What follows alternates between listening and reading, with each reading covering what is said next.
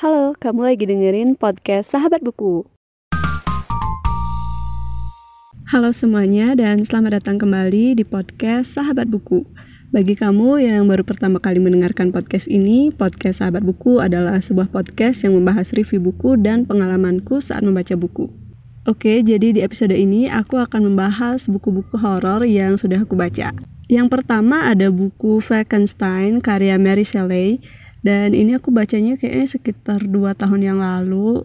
Aku beli yang English Classic yang dari penerbit Gramedia uh, buku ini seru tapi sebenarnya kalau boleh jujur aku masih kurang gimana ya uh, kurang ser aja soalnya bahasa Inggrisnya agak susah gitu dan emang English Classic tuh emang nggak nggak kayak gimana ya mungkin karena memang dia uh, tulisan-tulisan yang zaman dulu gitu jadi uh, ada beberapa frase-frase yang menurut aku agak sulit dipahami. Jadi waktu bacanya agak agak apa ya terkendala gara-gara itu. Tapi uh, secara umum ceritanya bagus dan seru. Apalagi waktu uh, apa ya cara penulisnya tuh menggambarkan gimana si Frankenstein ini kayak dari awal itu bereksperimen gitu. Dan itu serem banget sih sebenarnya. Karena aku nggak bisa bayangin kalau kalau uh, eksperimen yang uh, tanda kutip uh, serem kayak gitu bakal benar-benar dilakuin di dunia nyata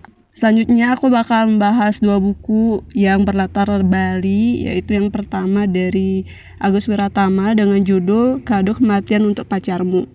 Jadi buku ini aku bahas juga di episode sebelumnya. Ini adalah buku kumpulan cerpen yang membahas tentang pembunuhan, eh, cerita-cerita horor gitu.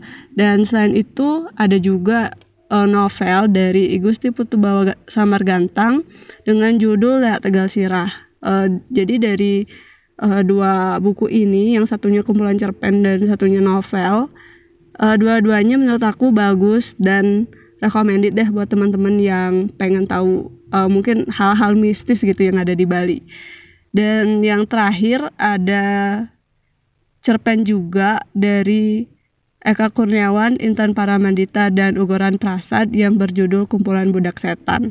Ini juga aku sempat review di episode sebelumnya dan ini salah satu buku cerpen yang mungkin uh, salah satu yang paling serem gitu ya karena pas aku baca tuh isinya nggak ada yang ngebuat aku kayak biasa aja gitu. Semuanya benar-benar ngasih kesan yang waduh serem banget gitu. Dan gimana ya?